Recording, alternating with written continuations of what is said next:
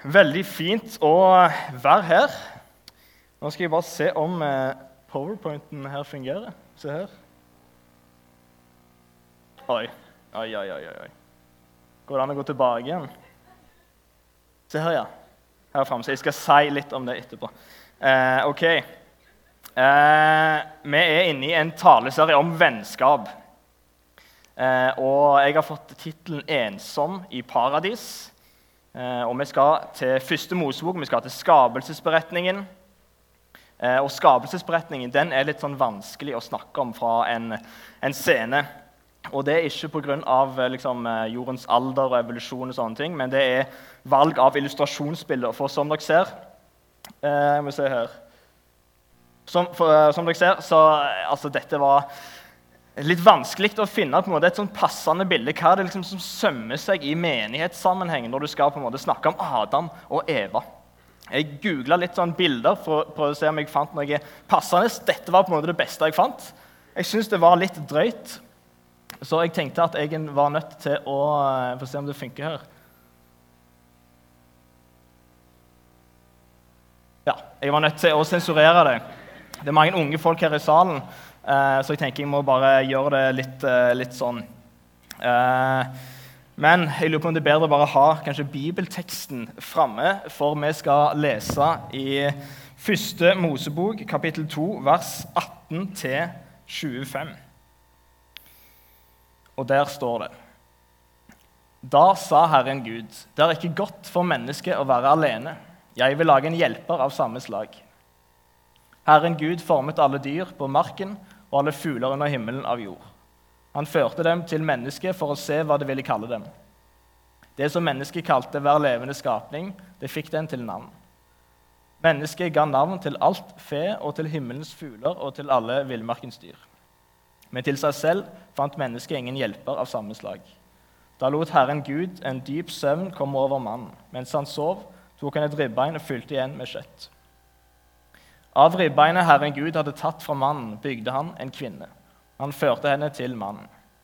Da sa mannen, nå er det bein av mine bein og kjøtt av mitt kjøtt. Hun skal kalles kvinne, for av mannen er hun tatt. Derfor skal mannen forlate sin far og sin mor og holde fast ved sin kvinne. Og de to skal være én kropp. Begge var nakne, både mannen og kvinnen, og de skammet seg ikke for hverandre. Yes. Vi leser i skapelsesberetningen om eh, hva som skjedde da eh, Eva ble skapt, og hvordan det var for Adam før eh, Eva ble skapt. Og Jeg kommer til å ha mest fokus på dette verset her eh, i kveld, der det står Da sa Herren Gud, det er ikke godt for mennesket å være alene. Jeg vil lage en hjelper av samme slag. Dette er en del av skapelsesberetningen. og eh, i kapittelet før her så har vi lest om eh, hvordan Gud skaper eh, universet på seks dager. Og etter hver dag så sier han at dette var godt. Når han skaper menneskene på den sjette dagen, så står det at dette var svært godt. Menneskene var kronen på verket. I Edens hage, der Adam befant seg, der regjerte Guds fred og Guds harmoni. Dette var et eh, paradis, og her var det godt å være. Men det er veldig interessant, det verset vi leser her. Selv om syndefallet ennå ikke har skjedd, det kommer i kapittelet etterpå, i kapittel 3, så ser vi allikevel at eh, det står at det ikke var godt å være alene. Adam han var ensom i paradis. Det er noe som er bemerkelsesverdig. For var det ikke perfekt i paradis? Selv om det så ut som det var det, så står det faktisk allikevel at det ikke var godt å være alene, til med ikke i paradis.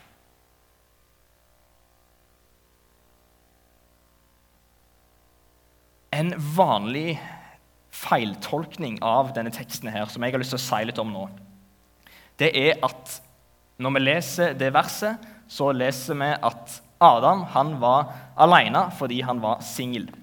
Han trengte ei kone. Kanskje er det noen av oss som ser for oss at Gud sier sånn ah, men 'Nå må du få gang på datingen her, Adam.' Eh, det var jo ikke akkurat så veldig mye utvalg. Eh, allikevel så eh, leser vi jo at eh, Adam og Eva tydeligvis blir gift. Eh, og jeg tror det er helt riktig å si at Adam og Eva det var det første ekte paret i verdenshistorien. Men de hadde en annen relasjon òg som vi ikke fokuserer så mye på. For Adam og Eva var òg det første vennskapet i verdenshistorien. Men hvorfor tenker vi så fort at dette verset, denne teksten, handler om at Gud sier til Adam at han må få seg ei kone? Jeg har lyst til å peke på to eh, grunner til at vi misforstår dette verset. Den første grunnen til at vi misforstår dette verset, her, er fordi vi ser på ekteskapet som meningen med livet. Når man når en viss alder, så tror jeg man eh, oftere og oftere får spørsmålet skal du ikke finne deg noen snart hvis man ikke har gifta seg. Noe er liksom galt hvis man ikke har funnet seg noen innen en viss alder. Kan det av og til bli framstilt. Hvorfor er det sånn? Jo, det er lett at vi gjør ekteskapet som er en gave fra Gud, som er noe godt. Det er så lett at vi gjør noe som er godt, til det ultimate i livet. Til selve meningen med livet. Og For mange så er ekteskap den ene tingen man ikke kan se for seg at man kan klare seg uten. Vi mennesker har en lei tendens til å gjøre nettopp det. At vi tar noe som er godt, og gjør det til det ultimate i livet. Vi gjør noe som er skapt til en avgud. Dette snakker eh, Bibelen mye om. Avgudsdyrkelse. Og det er én grunn til at jeg tror vi misforstår dette verset i vers 18, som vi så på i starten her. En annen grunn til at vi misforstår dette verset, er at vi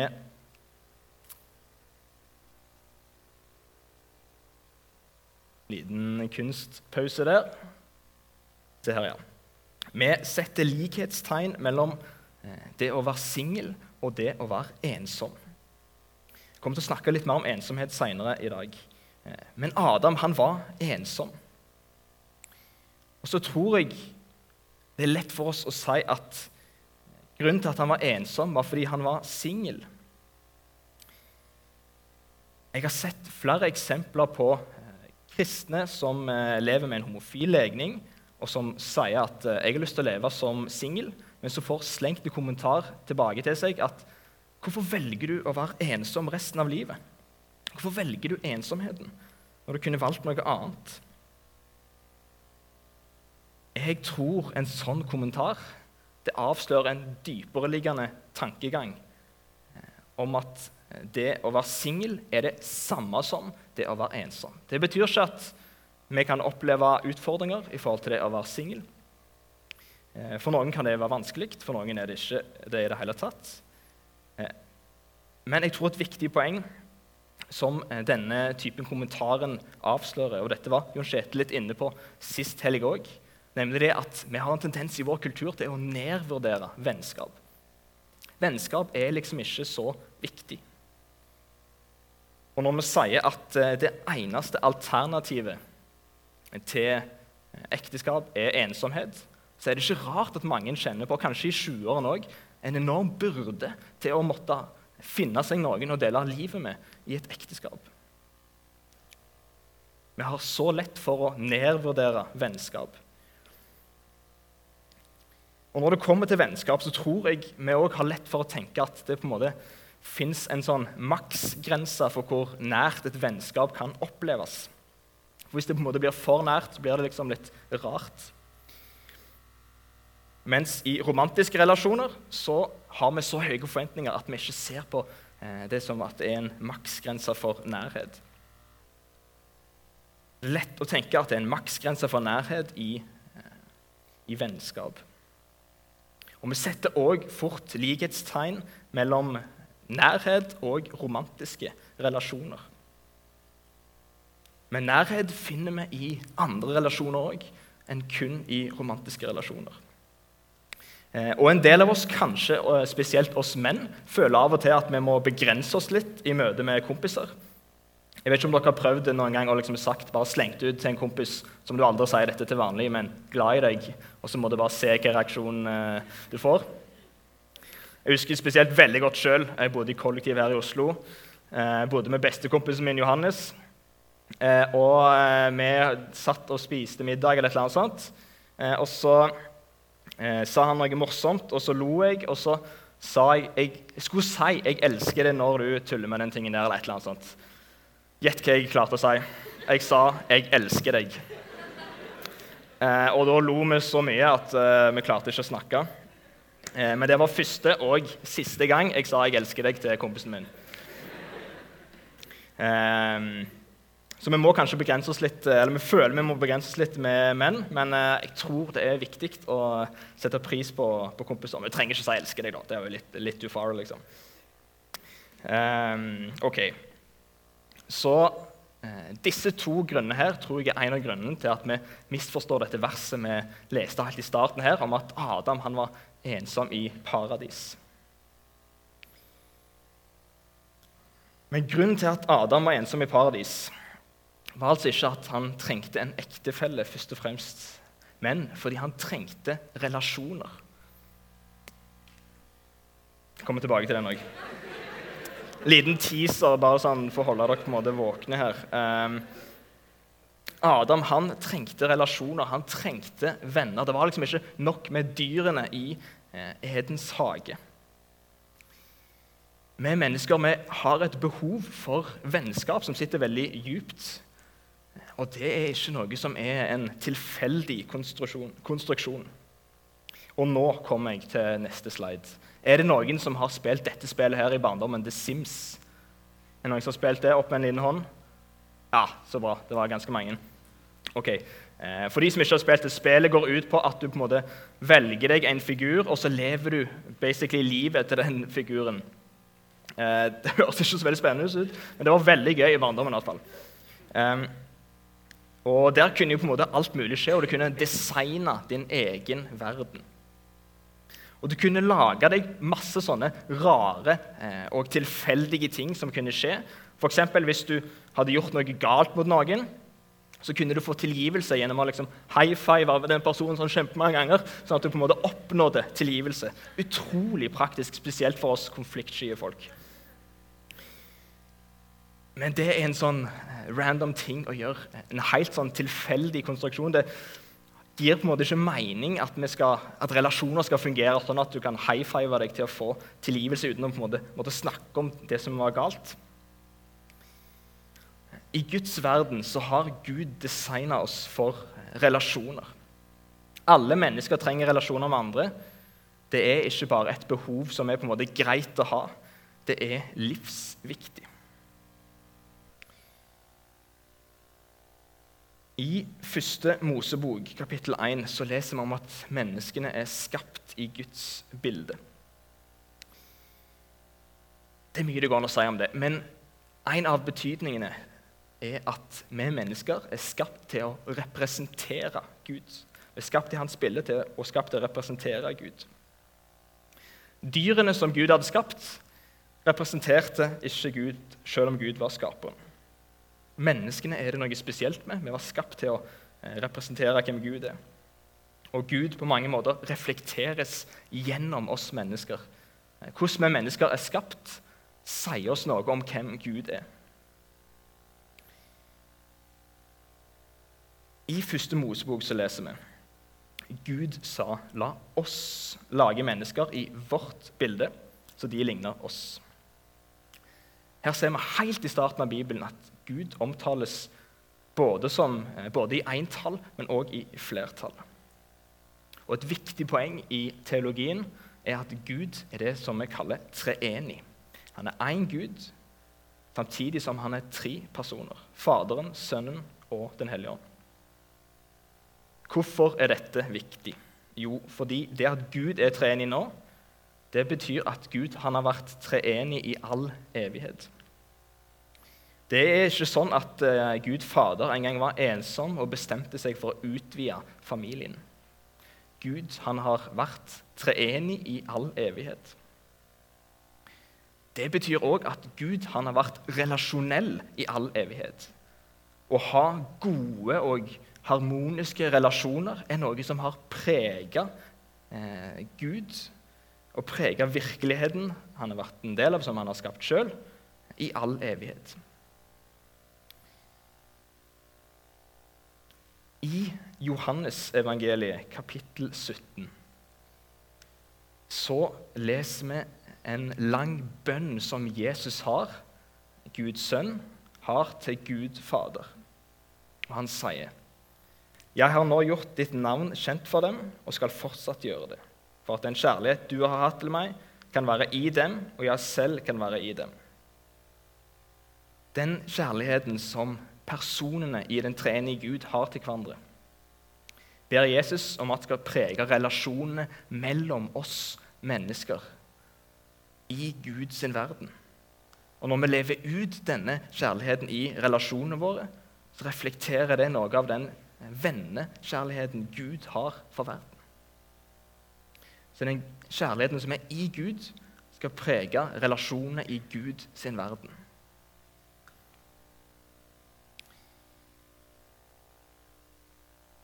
Når vi ikke har noen gode relasjoner, eller vi ikke opplever at vi møter nok kjærlighet fra de menneskene vi har rundt oss, så kan vi oppleve ensomhet.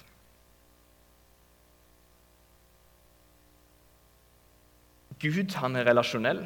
Menneskene som er skapt i Guds bilde, er skapt til å være relasjonelle. Relasjoner og venner det er et av de dypeste behovene vi har. Noen behov som vi mennesker har, er viktigere enn andre. Hvis du befinner deg på et cruiseskip som er i ferd med å synke, så prioriterer du behovene dine. Da bruker du ikke en halvtime ekstra i jacuzzien før du rømmer. Du går rett ut. Behovet for å overleve det stikker dypere av natur enn behovet for litt ekstra komfort. Og På samme måte stikker behovet for relasjoner dypere enn veldig mye annet i livet så er vi mennesker forskjellige. Noen har behov for flere relasjoner enn andre, noen har behov for dypere relasjoner enn andre, og noen har eh, varierende behov når det kommer til å komme hvor ofte man trenger å være med vennene sine. Men fellesnevneren er at vi alle trenger venner. Vi trenger alle venner og gode relasjoner. Og hvis vi ikke får dette behovet møtt, så kan vi altså oppleve ensomhet. Ensomhet er et stort tema, et vanskelig tema og et utfordrende tema. Vi kunne sikkert hatt en egen taleserie om bare det. Og det er åpenbart et stort problem. Jon Kjetil snakket litt om det sist eh, helg. Han viste til en undersøkelse som eh, indikerte at noe sånt som at hvis det er 300 eh, personer i dette rommet, her, så er statistisk sett 90 av oss opplever ensomhet. Jeg hadde i forberedelsen her sett en annen undersøkelse som sa nesten akkurat det samme. At én av fire av de som ble spurt i en undersøkelse som Røde Kors gjorde, den er ca. Ett år gammel, én av fire eh, opplyste at de opplevde ensomhet. For de under 25 så var tallene enda større. 41% opplyste at de opplevde på et eller annet tidspunkt ensomhet i livet. Ensomhet er et alvorlig samfunnsproblem. Og Det kan være kjempeutfordrende å stå i. Og Hvis du står i en sånn utfordring nå, hvis du har kjent på det Kanskje flytta du til Oslo her i høst og ikke har blitt kjent med så mange som hadde håp på. Kanskje du kjenner deg litt mer alene enn du gir uttrykk for. Jeg vet ikke hvordan du har det, men jeg vet at ensomhet er veldig utfordrende og vanskelig å stå i. Og det er heller ikke så lett å oppdage. Hvis jeg har knukket foten min og går på krykker, så kan alle se at eh, her er det noe som ikke er sånn som det skal være. Veldig åpenbart. Men hvis jeg opplever meg ensom, så er det egentlig ingen som kan se det så lenge man ikke spør. Og I tillegg så kan det være vanskelig å oppdage i sitt eget hjerte òg Når kan jeg på en måte vite? Hvor er liksom grensa for når jeg er ensom, og når jeg bare er litt lei meg eller har en dårlig dag? Det er ikke så lett. Og jeg tror det er så viktig å snakke om.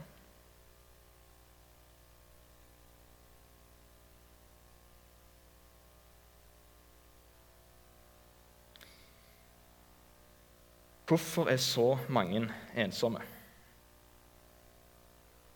Vi har jo hatt fokus på dette her eh, altså i, i, Norge, i samfunnet vårt, i media, eh, gjennom seminarer. Det har blitt tematisert mange ganger. Eh, men allikevel opplever fortsatt mange av oss ensomhet. Og jeg er helt sikker på det er masse det går an å, eh, å peke på. Eh, men jeg har lyst til å peke på én eh, litt mer sånn stor ting, en, en tankegang som jeg tror preger oss kanskje enda mer enn vi, eh, enn vi oppfatter. For i den vestlige kulturen, sekulære kulturen vi er en del av her i Norge, så preger det som kaller individualismen oss. Individualismen handler om at vi er enkeltindivider, vi, vi tilhører oss sjøl. Vi er herrer over egne liv. Andre skal ikke få bestemme over oss. Vi er òg ansvarlige for egne liv. Du er ansvarlig for din egen suksess, du er ansvarlig for din egen lykke, og du er ansvarlig for ditt eget liv. Jeg tror det er veldig lett at eh, når vi hører om andre, f.eks. i denne kirka eller andre vi kjenner, når de opplever ting som er bra, så tenker vi ja, så fint for deg. Og når vi hører om folk vi kjenner som opplever noe som er vanskelig, så tenker vi 'Å, så kjipt for deg'. Men vi føler ikke noe ekstra ansvar overfor de menneskene eh, som vi kjenner. Selv om vi, vi kan gjerne finne, sende på en melding eller vi kan på en måte vise en eller annen form for omtanke, men vi kjenner ikke på et personlig ansvar, fordi folk er ansvarlig for sitt eget liv og for sin egen lykke. Og vi skal på en måte ikke blande oss så veldig mye opp i det. Og så tror jeg den tankegangen òg preger oss i ei kirke. At vi er enkeltindivider som tilhører oss sjøl. Vi lar det gjerne være opp til folk sjøl å definere hvor sterk tilhørighet man skal ha eh, i ei kirke og i fellesskapet. Men inn mot denne tankegangen her, denne individualistiske tankegangen som preger samfunnet vårt, som jeg også tror preger oss som går i kirka, inn mot dette så forteller Bibelen at vi er en familie med brødre og søstre som tilhører hverandre. På samme måte som en biologisk familie tilhører hverandre. Hvis eh, broren min eller faren min eller søsteren min opplever noe som er vanskelig, så har jeg faktisk et ansvar inn mot de. Det tror jeg alle kan være enige om. Men det samme ansvaret det gjelder faktisk òg i eh, familien som kirka er.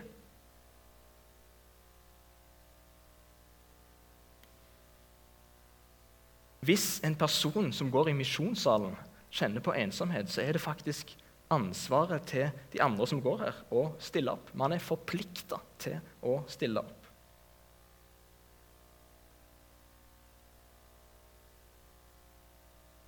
I Johannesevangeliet, kapittel 13, vers 35, så sier Jesus noe som skal være et kjennetegn på at man er en del av denne familien som jeg snakker om her.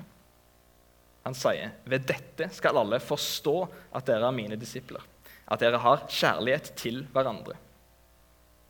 Kjærlighet til hverandre er på en måte kjennetegnet for at man er en del av det kristne fellesskapet, en del av denne familien.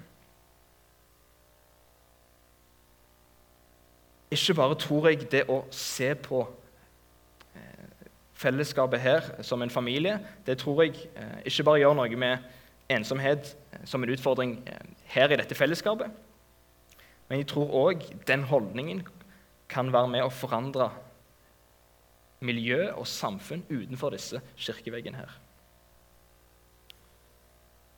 Å være en del av et fellesskap som preges av den kjærligheten som Jesus snakker om, det er et attraktivt fellesskap. Et fellesskap man vil være en del av. Det er et fellesskap som òg bærer byrdene til hverandre, som det står i Galaterbrevet 6. Eller som Jon Kjetil sa sist sleida byrdene til hverandre. Jeg lærte på teologistudiet at man skal, liksom, når man taler til en ny forsamling, så skal man appellere, appellere til de autoritetene som måte er i, i denne forsamlingen. og Derfor siterer jeg Jon Kjetil ganske ofte her. Jeg kjenner Jon Kjetil ganske godt, vi studerte sammen òg, så jeg vet om ganske mye han har sagt. Men ikke alt som sømmer seg her. Men eh, jeg skal bare skremme deg litt, eh, Jon Kjetil. Slapp av. Men ei kirke som stadig søker etter å bli mer lik Jesus som fellesskap, ved å praktisere en sånn kjærlighet, det er jeg helt sikker på er den beste medisinen mot ensomhet som fins. Og så er det masse mer det går an å si om dette. her. Og Nå har jeg bare vært ganske sånn generell Eh, når det kommer til det, dette med at vi er en familie, og at vi skal vise den kjærligheten Jesus viste til hverandre. Eh, men jeg vil utfordre deg som er her i kveld, til å tenke igjennom etter vi er ferdige nå Hva kan jeg gjøre for å være med å bidra til at den kjærligheten som Jesus snakker om, at det kan faktisk være et kjennetegn som preger dette fellesskapet her. Jeg utfordrer deg til å tenke igjennom det på konkrete handlinger. Bruk kreativiteten du har blitt gitt. I den teksten vi leste helt i starten nå, så leser vi om at ja, Adam var ensom i paradis, og Gud skapte Eva.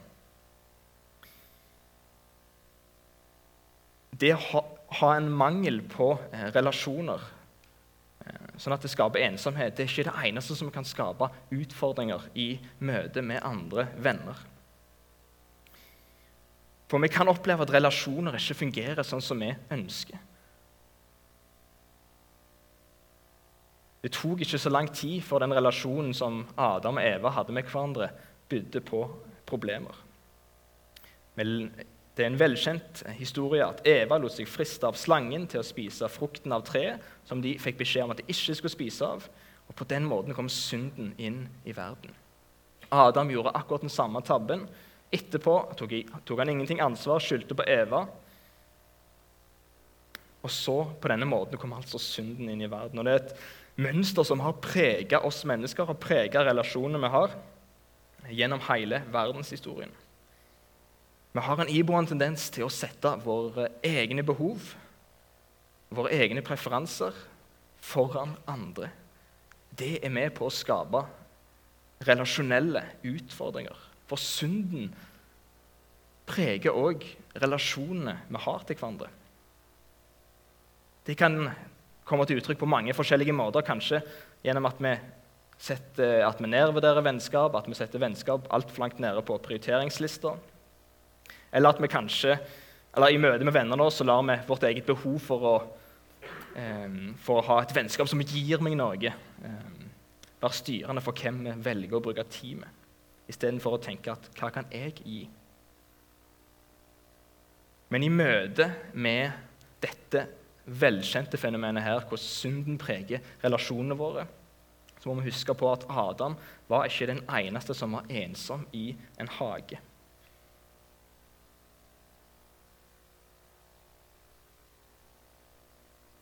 I Lukasevangeliet, kapittel 22, så eh, leser vi om hvordan Jesus i et kritisk øyeblikk trengte at alle vennene hans eh, var der for ham i Getsemane-hagen. Men vi leser at Jesus han ble svikta av alle vennene sine.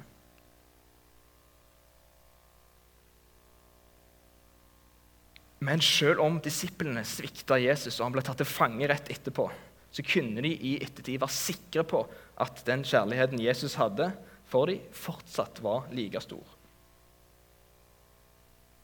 For Jesus har tidligere sagt eh, i Johannesevangeliet kapittel 15 vers 13 Ingen har større kjærlighet enn den som gir livet for vennene sine. Jesus sier faktisk her at vennekjærligheten er den største kjærligheten man kan vise. Hæ? Kan virkelig det stemme? Er det ikke kjærligheten i et ekteskap som er den største? Jesus sier ikke dette fordi denne type vennekjærlighet ikke fins i et ekteskap. Men fordi denne kjærligheten er en kjærlighet som gir avkall på sitt eget, setter andres beste foran seg sjøl og strekker seg så langt overfor andre mennesker at man til og med er villig til å gi sitt eget liv. Og Det er akkurat det Jesus gjør, og det beste eksempelet på vennekjærlighet vi kan få. Og Når vi leser resten av Bibelen, så ser vi at det Jesus gjør, det er ikke bare et eksempel, men det er òg en redning. For den vennekjærligheten Jesus har til oss mennesker, som han kaller venner, den er så stor at han gir sitt eget liv. Jesus frelser oss fra synden vår gjennom denne vennekjærligheten. Adam han var ensom i hagen og ble gitt en venn, mens Jesus han hadde venner da han gikk inn i Getsemanehagen, men de svikta han. Den kjærligheten Jesus viser, er både en kjærlighet som frelser oss, og en kjærlighet vi må la relasjonene i denne menigheten bli prega av. For det er jeg helt sikker på vil få stor betydning. La oss be til slutt. Kjære Jesus, takk for at du har vist oss hvor stor og hvor vakker vennekjærligheten kan være. Takk for at du strakk deg så langt at du døde på et kors for oss, for å frelse oss og for å vise oss hva ekte kjærlighet gjør. Hellige Ånd, jeg ber deg om at den kjærligheten vi snakker om her, og som Jesus har vist og frelst oss gjennom, at den kan få prege misjonssalen som fellesskap. Hvem at den kan prege hver enkelt. Så ber jeg for alle som opplever denne tematikken vi har snakket om her, med ensomhet og man mangler gode relasjoner rundt seg. Ber deg for alle som opplever det. Ber om eh, at eh, man kan finne trøst og omsorg og gode relasjoner i det kristne fellesskapet, som er en familie. Legg Misjonssalen Oslo i dine hender, Jesus. I ditt navn. Amen.